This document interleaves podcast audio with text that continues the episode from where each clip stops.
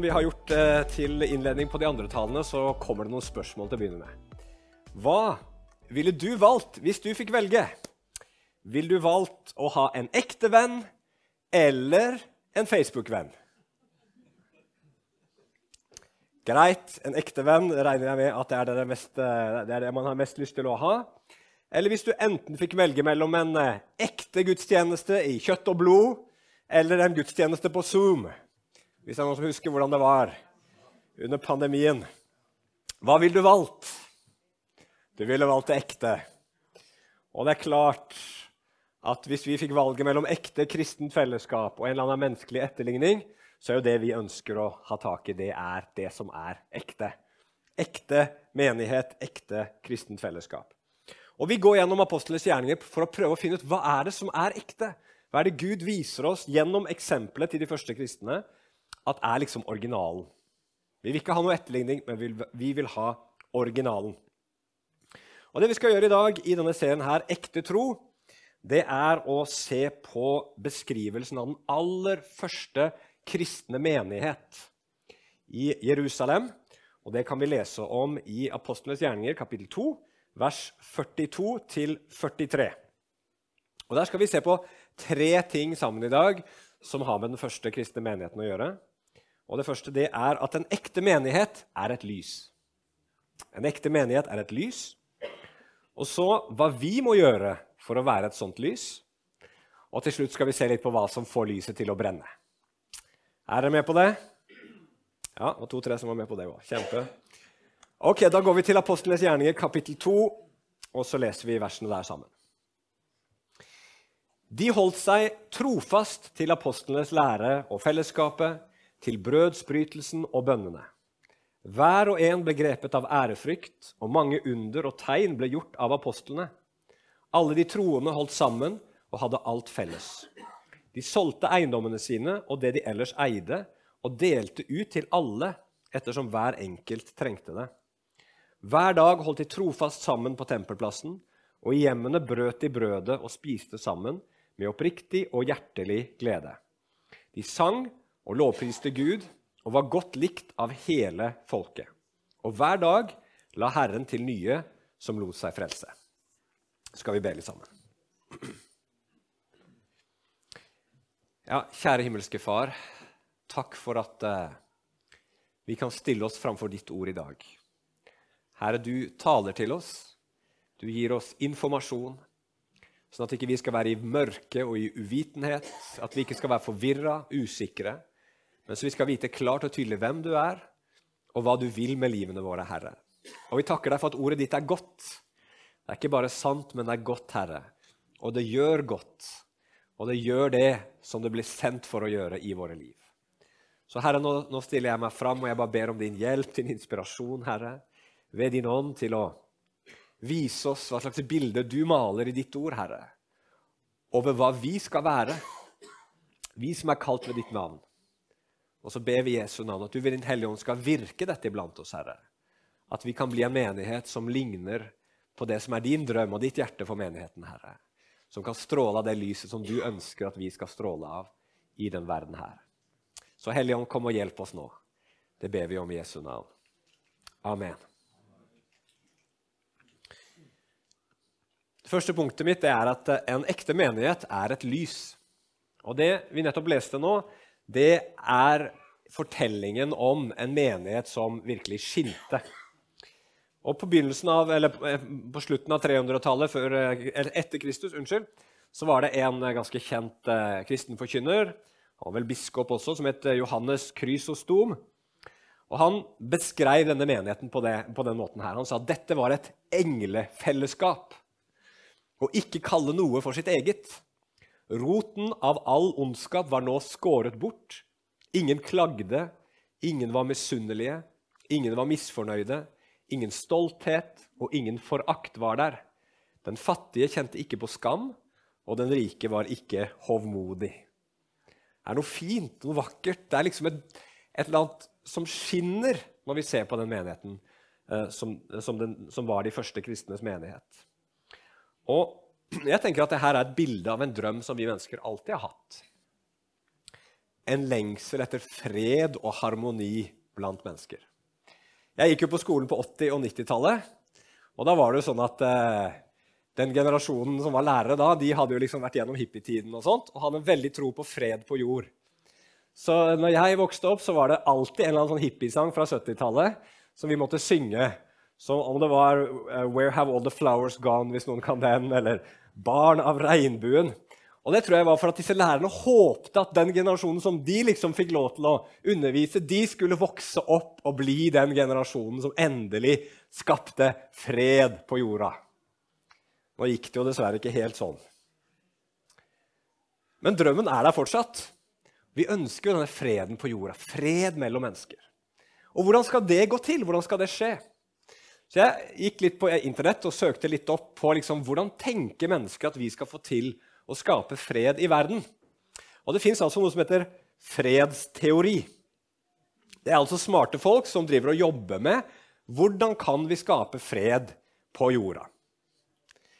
Eh, og Det er jo kjempeinteressant, og da kan man jo tenke ok, hva foreslår de? Vi er lutter øre, vi vil høre. Eh, og det de foreslår, er ikke helt klart. For de er ikke helt enige om hvordan vi skal få fred. Og ikke nok med det. Man klarer ikke å bli helt enige om hva fred er for noe heller.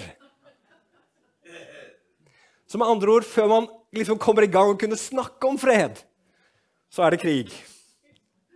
Så krangler man. Og jeg tenker at det er liksom, kanskje hakket vel ambisiøst å begynne å snakke om hvordan kan vi få fred på jorda når vi ikke klarer å få til fred i vår egen familie, på vår egen arbeidsplass eller i vårt eget nabolag. Det er kanskje der vi bør begynne, er det ikke det? Begynn i det små. Men da merker vi jo med en gang hvor vanskelig det er å leve sammen i fred og harmoni. Eller er det bare i min familie at det ikke er fred hver eneste dag? For dere vet at fred og harmoni det er lett å ødelegge. Det skal ikke så fryktelig mye til. Det kan ødelegges av eh, irritasjon, misunnelse, dumhet, feil, mangel på tilgivelse, mangel på toleranse, stahet, stolthet, bitterhet, baksnakking Det fins utrolig mange ting som kan ødelegge. Harde eller sårende ord, krangel, begjær, egoisme, mangel på selvdisiplin, urettferdighet, ambisjoner, latskap, hat, selvrettferdighet osv. Jeg er helt sikker på at hvis vi hadde satt oss ned, så kunne vi fylt flere A4-ark med ting som kan ødelegge for gode fellesskap. For det er sånn at det er fryktelig lett å ødelegge. Det er mye vanskeligere å lage ting. Ikke alle kan lage Mona Lisa, male det, men absolutt alle mennesker stort sett da, kan ødelegge det. Og Nettopp fordi det er så lett å ødelegge ting, så går ofte også menneskelig fellesskap i oppløsning, om det er familier eller om det er nasjoner. Og så er det også sånn at det som fungerer, de fellesskapene vi har, de er ikke alltid så harmoniske som vi skulle ønske de var. Og så midt i det her, i en sånn verden på en måte hvor det er uro og krangel og vanskeligheter i relasjoner mellom mennesker, så dukker det opp et lysglimt i Jerusalem. En menighet hvor man lever sammen. Mennesker som kommer fra forskjellige land og med forskjellige språk og forskjellig etnisk opprinnelse. Til og med var det i den første menigheten i Jerusalem. Og så lever de tett på hverandre. Hver dag er de sammen. Og så er det harmoni, fred, kjærlighet, glede, sjenerøsitet, tilfredshet og omsorg. Og jeg tenker det her er en sånn midlertidig oppfyllelse av det som Jesus sa til disiplene på, i bergprekenen i Matteus kapittel 5, vers 14 og 16. Der sier han, 'Dere er verdens lys.' En by som ligger på et fjell, kan ikke skjules. Heller ikke tenner man en oljelampe og setter den under et kar. Nei, man setter den på en holder, så den lyser for alle i huset. Slik skal deres lys skinne for menneskene, så de kan se de gode gjerningene dere gjør, og prise deres far i himmelen. Mange mennesker i dag tenker på kristendommen som en sånn vei til fred for verden. Man tenker at liksom, kristendommen skal skape fred på jord. Eh, men det som ofte skjer, da, er jo det at man egentlig ender opp med sosialisme med kristne ord. Men Bibelen har aldri gitt oss en oppskrift for hvordan det her og nå i denne verden skal bli fred på jord. Men det Bibelen viser oss, og det som var Guds plan, det er å skape et lys inn i denne verden. Et samfunn hvor det råder fred og harmoni mellom mennesker, nemlig i hans menighet. Sånn at folk i verden kan se at gjennom Jesus og gjennom Jesus alene, han som Bibelen kaller for fredsfyrsten, så kan det bli fred. Så kan det bli harmoni mellom mennesker. Nå er det ikke akkurat sånn at eh, Kirkehistorien er prega av fred og harmoni hele veien opp igjennom, men her begynte det, og her viser Gud sånn skal det være. Her er idealet som vi skal strekke oss imot. Dette er det Gud kaller oss til. Det er det lyset vi er kalt til å være her på Betel. Og det er det lyset som Gud ønsker at hans menighet skal være i verden. Og så er spørsmålet ja, Hvordan får vi det da til? Hvordan kan vi lære av den første kristne menighet til å være et sånt fellesskap hvor det er fred og harmoni mellom mennesker? Og Det som vi også må nevne, da, var jo at i den første menighet så var det ikke bare fred og harmoni, men det var mye annet bra som skjedde òg. Eh, det står at alle sammen hadde ærefrykt for Gud, så Gud ble liksom viktig og stor. De hadde mye glede og takknemlighet. Og Det står også at Guds kraft virka. Mirakler skjedde, og mennesker kom hele tiden til tro på Jesus. Og Det var helt sikkert fordi de, de, de så et levende vitnesbyrd på hvem Jesus var, og hva han hadde gjort gjennom menigheten. Så hvor kom den frukten fra? Jo, fra, For meg så ser det ut som det var to ting som skjedde i den første kristne menighet. Det ene var at de holdt fast på noe, og det andre var at de ga slipp på noe. Eh, I den oversettelsen som vi leste nå, så sto det at de holdt seg trofast til. Eh, og så står det apostlenes lære osv. I noen bibeloversettelser så står det at de holdt urokkelig fast på apostlenes lære og på bønnene og på fellesskapet osv. Så, videre. så det var et eller annet de greip de holdt fast på, som var kjempeviktig for dem. Men så var det noe annet som de også slapp taket på pga. det. Og det skal vi se på nå. Så hva var det de holdt fast på? Jo, For det første så står det at de holdt fast på i den første menighet på apostlenes lære. Og hva er det? Jo, det er jo det apostlene forkynte om hvem Jesus var, og hva Det gamle testamentet fortalte og lovte Guds folk og verden. Så det er jo det vi egentlig da kan kalle for Bibelen, Det nye og Det gamle testamentet. Og Når de første kristne da holdt fast på apostlenes lære, så betyr det at de tok Bibelen og plasserte sine liv under Bibelen som en absolutt sannhet, som bandt dem sammen, og som ga livene deres mening og retning. Dette er den boka vi tror på, som forteller oss noe om hvor vi kommer fra, hvor vi er på vei, hva som er meninga med livene våre her og nå, hvordan vi skal leve, hva som er rett, hva som er galt, at det fins en Gud, og hvordan vi kan bli kjent med Han. Det holdt de fast på i fellesskap, og det skapte en sterk enhet blant de første kristne. De bøyde sine liv under en absolutt sannhet. Og så er det jo sånn i dag at Veldig mange er veldig skeptiske til absolutte sannheter. Spesielt tror jeg etter andre verdenskrig, hvor man så at eh, sånne absolutte sannheter førte til enormt mye lidelse og ondskap, så har man prøvd å bygge samfunnet på det man kan kalle for relativisme.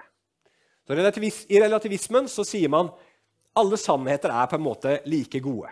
Eller man sier noe sånt som ja, du kan tro at du har noe som er sant, men du har ikke hele sannheten. Ingen av oss har hele sannheten. Alle sammen så ser vi litt av sannheten. Og så skal man liksom bygge samfunnet sitt på det. Og Fordelen med det er jo det at hvis ingen er overbevist om noe, fordi ingen tror at de har sannheten, så er det jo ingen som kan kjempe for en overbevisning de ikke har. Når de mangler overbevisning, så er det ingen overbevisning å leve og dø for.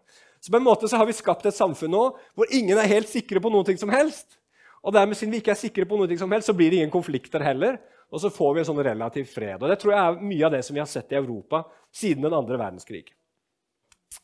Men det fungerer ikke så bra lenger. For når vi ikke har noe absolutt å tro på i fellesskap, så glir vi fra hverandre. Samfunnslimet går i oppløsning, og samfunnet vårt fragmenteres. Det ser vi i, i Vesten i dag. Og ikke nok med det. Denne her mangelen på noe absolutt den gjør at veldig mange mennesker i dag finner noe nytt og eget og absolutt å tro på. Det kan være naturvern, det kan være kampen mot rasisme, det kan være politiske saker på høyre- eller venstresiden som man kjemper for som om det er det aller viktigste som skjer. Bare se f.eks. i USA nå med den der eh, Trump-tilbedelsen eller hatet på den ene og den andre siden. ikke sant? Altså, Det er jo ikke noe eh, moderasjon i politikken lenger. For enten så er det for alle, Begge sidene er liksom helt overgitte. Dette her er en absolutt sannhet. Enten så er det fryktelige mennesker som tror på at Trump skal være president, eller så er du et fryktelig menneske som står imot Trump. ikke sant? Og så blir det sånne absolutter i samfunnet, fordi vi er nødt til å ha dem. Vi kan ikke være relativister. Menneskene er ikke skapt for ikke å ha noe å tro på. Vi er skapt for noe å tro på, å leve for og dø for. Men så må vi ha noe absolutt som er sant, og som er godt for menneskene. Og det er det Jesus tilbyr. Det er det som er apostlenes lære. Og Jesus viser oss at det er sant gjennom sin oppstandelse fra de døde, og han viser oss at det er godt ved den han er. Finnes det et menneske i verdenshistorien så god som Jesus? Nei, ingen kan måle seg med han. Og han er den som legger fram denne sannheten. Og Så tvinger han ingen under den, og så sier han, 'Kom til meg, ta mitt åk på dere.' Og En del av det åket det er apostlenes lære. Det er å legge sitt liv under hans sannhet, for det er en god sannhet, og det er en sannhet som setter fri. Og så er det liksom eh, alltid en fare at man kan bli for sannhetsopptatt. Og det er jo ikke sånn at absolutt alt er vi nødt til å være enige om når vi er kristne i en menighet. Men det er noen helt grunnleggende ting som vi er nødt til å fastholde, som er kjernen, som er grunnvollen.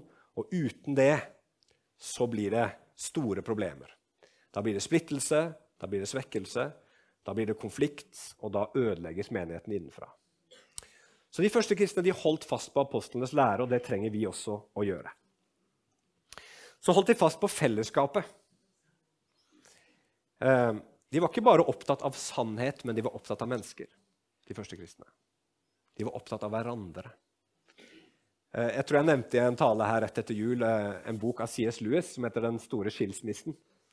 Jeg synes den er så gøy. Hvis du ikke har lest 'Den store skilsmissen' av C.S. Lewis, så vil jeg anbefale å lese den. Den er veldig morsom på mange måter.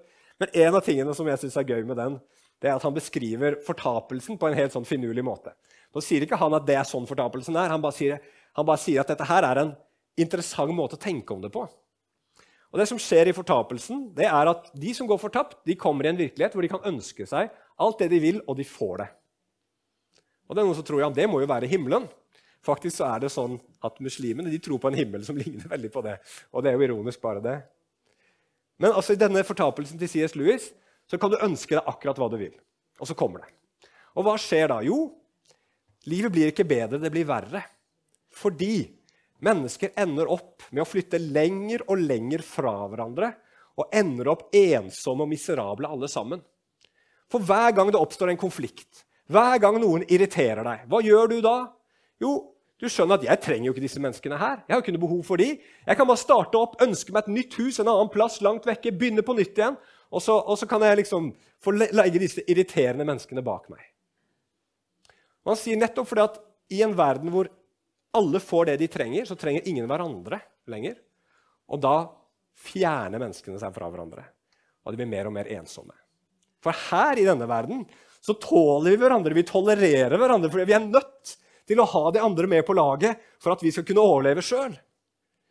Men der i C.S. Lewis' sin fortapelse så går ikke det. Og da blir alle sammen alene. Og så ser vi det helt motsatte i den første kristne menighet. Her kommer mennesker nærmere hverandre. Istedenfor å liksom bare holde seg på lik avstand som før, så kommer de nærmere. Og Noen av de gjør det sikkert fordi at de trenger fellesskapets velsignelse. Noen er kanskje ensomme, noen ser vi er fattige. Og det er godt å være en menighet hvor behovene blir møtt. Andre kommer nok til menigheten fordi de ser at her kan jeg bidra. Jeg kan bety noe, jeg kan bety en forskjell for den personen. De rike kommer for å bidra med sine penger, sånn at det, føles, sånn at det, det blir et, et, sted hvor alle kan få det de trenger. Men dette fellesskapet her, det blir ikke bundet sammen av at noen kjenner at noen har bruk for meg, eller jeg har bruk for fellesskapet. Og Det er veldig bra at vi kjenner at vi har bruk for fellesskapet. Og det er veldig bra at vi kjenner at noen har bruk for oss. Men fellesskapets tilknytning være dypere enn det. Du og jeg er knytta til dette fellesskapet, ikke først og fremst fordi at jeg føler at jeg får noe ut av det, ikke først og fremst fordi at jeg føler at jeg er nyttig her, men fordi at dette fellesskapet er jeg bare bundet til. Det er Jesus sitt fellesskap, og her hører jeg hjemme.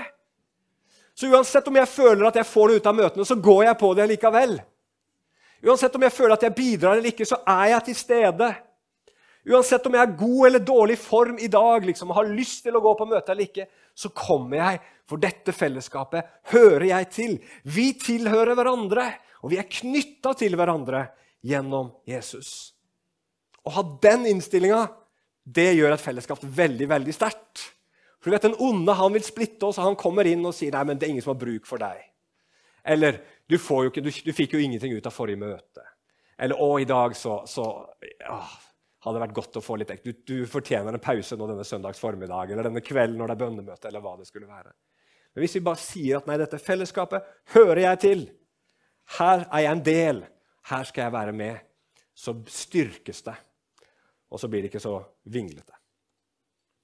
Noe som knytter dem sammen, det var jo også da at de ba mye sammen.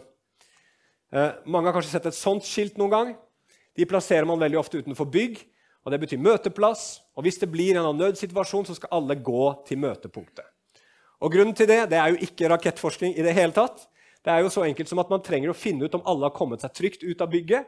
Og Den enkleste måten å finne ut av det det er jo at alle sammen kommer så nær hverandre som de kan. og Da er det om å gjøre bare å ha et sted hvor alle sammen vet der skal vi gå. og Da kommer vi sammen, og da er vi nær hverandre, og da kan vi telle og sjekke om alle sammen er der.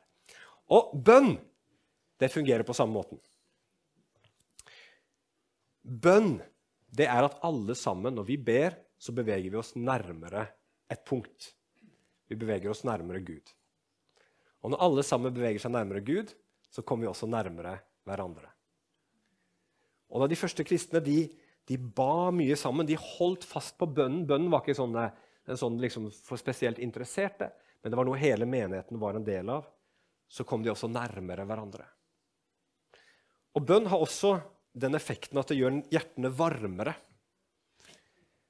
Jeg vet ikke om du har eh, det har du helt sikkert opplevd at du eh, kom nærmere en person og den personen åpna opp. Fortalte om et eller annet som var vanskelig, et eller annet som var krevende akkurat nå. Og så kjenner du at oi, nå kom jeg tettere på den personen. Og så begynner du kanskje å åpne opp og fortelle om det du kjemper med og syns er vanskelig. Og så kommer man nærmere hverandre, og så blir fellesskapet mye varmere. Sånn er det også når vi ber sammen. For da åpner vi hjertene våre framfor Gud. Vi kan bekjenne vår synder framfor Gud. Vi kan vise vår takknemlighet framfor Gud. Vi kan uttrykke vår bekymring, vår frykt og takknemlighet for alt Gud har gjort. Og så blir vi brakt nærme hverandre og knyttet sammen i bønn. Og så er det jo alltid en fare da, at når man har et sånt fellesskap som det kristne fellesskapet, at man blir seg sjøl nok, at man blir opptatt av det som skjer her. Og så kan man ofte da bli litt sånn der oss mot verden som, vi er de viktige, de utenfor er våre motstandere. Og så kan man skape også enhet gjennom at man er mot verden. Men sånn er ikke det kristne fellesskapet. Det kristne fellesskapet er ikke mot mennesker, men det er for mennesker. Så Derfor handler ikke bare bønnene om Gud om hverandre, men det handler også om mennesker der ute som vi ber for. Vi tjener fellesskapet utenfor. Og Sånn var den første kristne menigheten. De holdt fast på disse tingene, og så slapp de også et par ting. Og det her, nå, nå begynner det å bli litt sånn sjokkerende. da. For det første, de slapp eiendelene sine. De slapp taket på eiendelene sine. Litt seinere i Apostlenes gjerning, kapittel 4, vers 32, så står det alle de troende var ett i hjerte og sinn, og ingen regnet det de eide, som sitt eget. De hadde alt felles. Og Da er det en sånn diskusjon sant, blant mange kristne som sier ja, skal vi praktisere det i dag eller ikke. Og så finnes det noen menigheter som har rett og slett praktisert at man deler på absolutt alt. Og det går som oftest fryktelig dårlig. Det var et eksempel på det i, i, i dagen vi leste om nylig, hvor mennesker eh, ikke hadde det bra fordi at de havna i et eh, dårlig sånn kontrollfellesskap. Men det Bibelen lærer her, da, vi, det vi må gjøre, da, er ikke ende i kommunisme, men samtidig ikke ta brodden ut av disse ordene likevel. Hva er det som skjer her? Eh, det var ikke sånn at de ga opp ideen om eiendomsrett. Det er jo kommunisme. ikke sant? At nå har ingen lov til å eie noe lenger. Nei. De eide alle sammen ting. og Det kan du se i Apostlenes gjerninger eh, kapittel 5, i historien om Ananias og Safira. Der sier eh, Peter til, eh, til Ananias eller Safira at det du hadde, var det ikke ditt eget. Og de pengene som du fikk da du solgte den åkeren, for de solgte en åker, var ikke det dine egne penger som du kunne gjøre med som du ville? Så dette her betyr ikke at vi skal bli kommunister og gi opp eiendomsrett. Men det betyr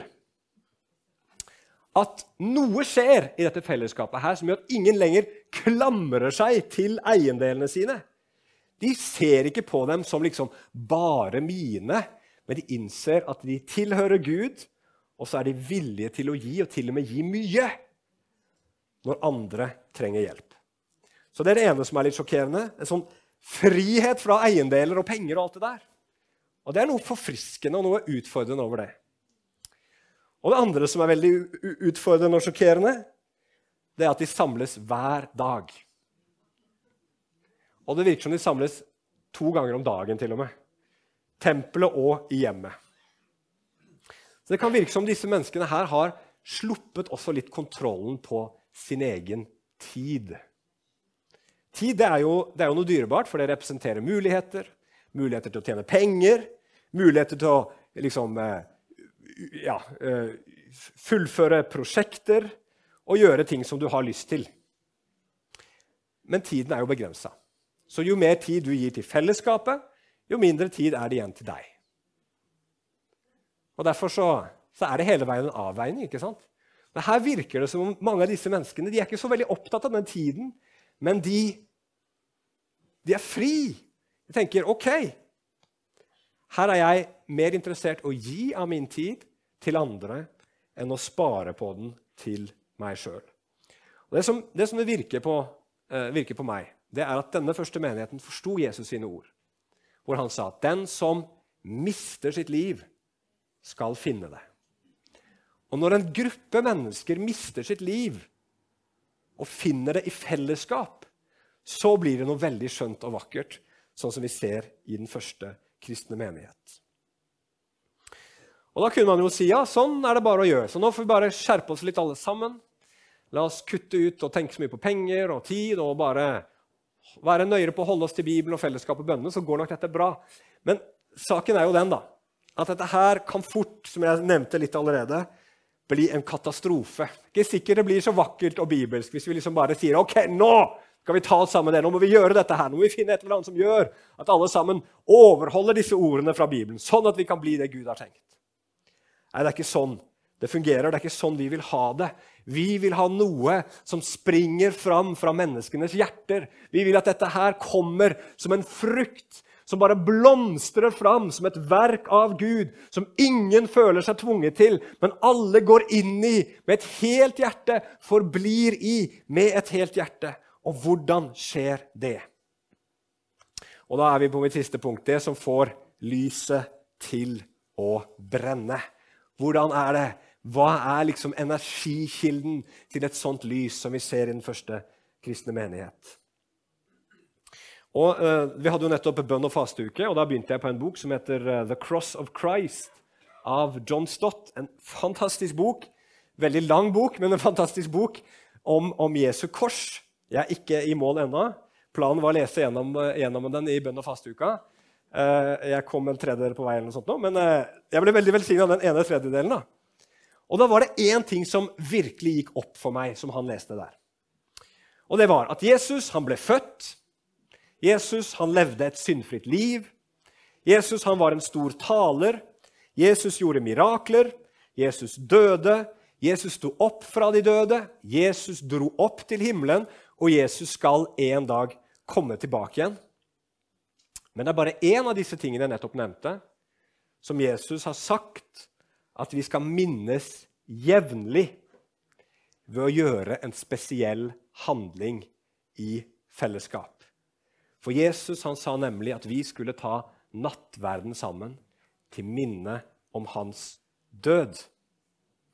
Og hva forteller det oss? Jo, det forteller oss det at i hjertet av vår tro så er Jesus som Guds offerland, som døde for våre synder. Det er helt i hjertet av den kristne troen. Det er det aller mest sentrale. Det er derfor vi feirer nattverd uke etter uke etter uke og gjentar det om igjen og om igjen, for det er hjertet av troen vår. Og det betyr også at det må være hjertet av menigheten. Det må være helt sentralt, helt i sentrum for det vi er og holder på med. Og dere så at jeg nevnte ikke én ting. Var én ting av de tingene som de første kristne holdt fast ved, som jeg ikke nevnte, nemlig brødsbrytelsen. Det var fire ting de holdt fast ved. Det var fellesskapet, det var bønnene, det var apostlenes lære, og så var det brødsbrytelsen. Og den nevnes til og med to ganger i teksten, noe som viser hvor sentralt det her var for de første kristne.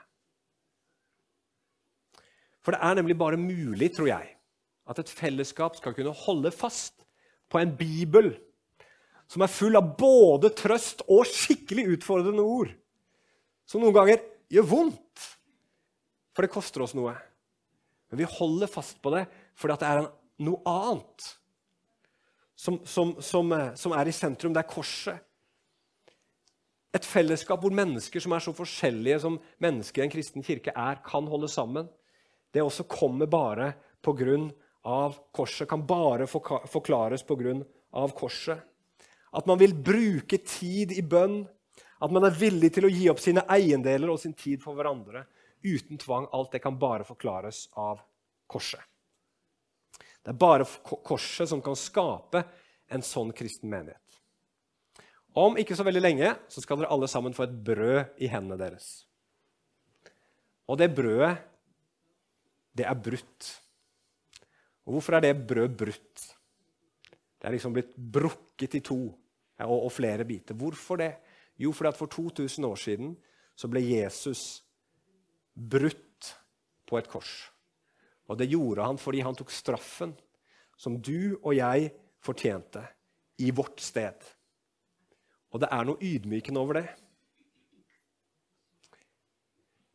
Din og min synd den var så ille at straffen det var evig død og adskillelse fra alt fellesskap. Det var det Jesus opplevde på korset. Og Hvis du og jeg ser hvor ille vår synd er, så blir innstillingen vår akkurat den samme som den fortapte sønnen hadde da han kom hjem til sin far. Og så sa han, 'Far, jeg har synda imot himmelen og mot deg,' 'og jeg er ikke lenger verdig til å kalles din sønn, men la meg få bli en tjener.' 'Vær meg så nådig at du lar meg få bli en tjener.' Og vet du at Hvis du kom til Gud, og Gud sa at du skulle få del og få lov til å være en del av hans fellesskap, men at du bare kunne være det som den aller minste og den aller mest ydmyke av alle hans tjenere. Så hadde Gud vist deg stor nåde. Hadde Gud vært utrolig nådig mot deg. Men det er ikke det Gud gjør. Og det er heller ikke det den gode faren gjør med den fortapte sønnen. For det, det brød du snart skal få i dine hender, det ble ikke bare brutt, men det ble brutt for deg, sånn som vi ofte sier. Det ble brutt for deg. For Jesus han gikk frivillig til korset for din skyld. Han ga sitt liv frivillig for at du og jeg skulle bli vaska rene fra all vår synd og ønska velkommen inn i Guds fellesskap. Ikke som tjenere, men som sønner og døtre av Gud, som Jesus sine søsken. Og Det skjedde for at Jesus på korset han ble ekskludert. Han ble satt utenfor fellesskapet. Han led utenfor leiren, står det i hebreerbrevet, for at du og jeg skulle få bli tatt inn i fellesskapet og bli en del av det. Og det er like enkelt å ta imot det som det er enkelt for deg å ta imot det brødet som blir delt ut til deg. Du tas imot av tro, og det er nåde, og det er en gave fra Gud.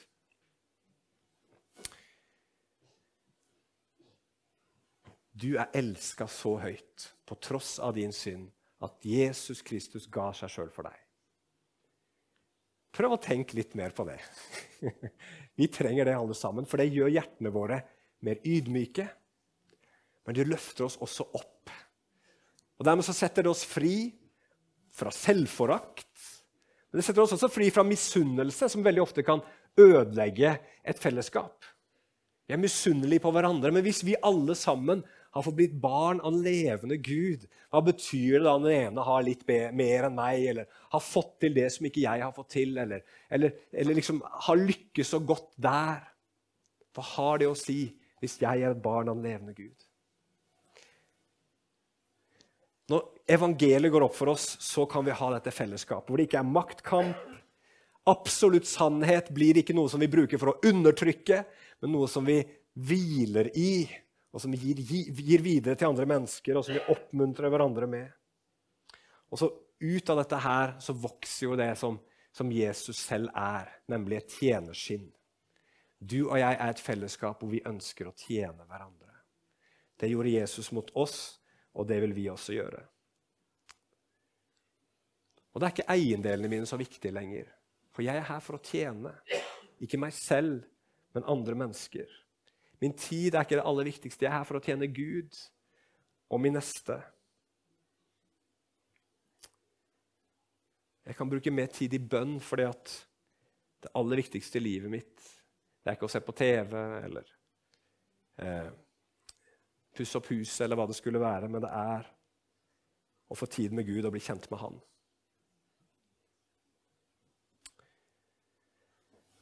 Dette her, det er det fellesskapet som Gud ønsker å bygge. Et fellesskap med Jesu død oppstandelse som sitt bankende hjerte. Og der trives Guds ånd. Og der ønsker Gud å dra hver enkelt en av oss. Der var den første menigheten, og der kan vi også komme hvis vi søker Gud og hvis evangeliet får bare rotfeste seg enda mer i våre hjerter. Amen. La oss be til slutt. Kjære himmelske Far. Herre, vi takker og priser deg, for du er her midt iblant oss, Gud. Herre, du ser mine svå og svake ord. Jeg skulle så gjerne, Herre, vært i stand til å male deg mye bedre for våre øyne, Jesus, enn det jeg er. Men kjære Hellige Ånd, kan ikke du komme nå og så ta mine fattige ord og så gjøre Jesus levende i våre hjerter? Og idet vi går til nattverden nå også, Herre, må det brødet som vi tar imot, tale til våre hjerter om at du ble brutt for vår skyld. Du ga deg selv for meg, så jeg ikke skulle dø, men jeg skulle få leve.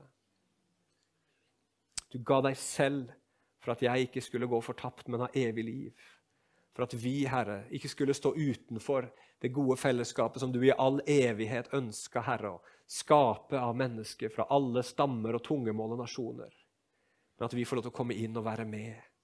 Være inne i varmen, være inne i gleden, være inne i herligheten. For alltid sammen med deg, Gud. Herre gode Hellige Ånd, gjør dette levende for oss. Det er vår bønn i Jesu navn. Må du bare velsigne brødet, må du velsigne kalken nå som vi skal gå til nattverd, Herre. Og la det bli til oppbyggelse for oss og til fornyelse i våre kristne liv. Vi ber om det i Jesu navn. Amen.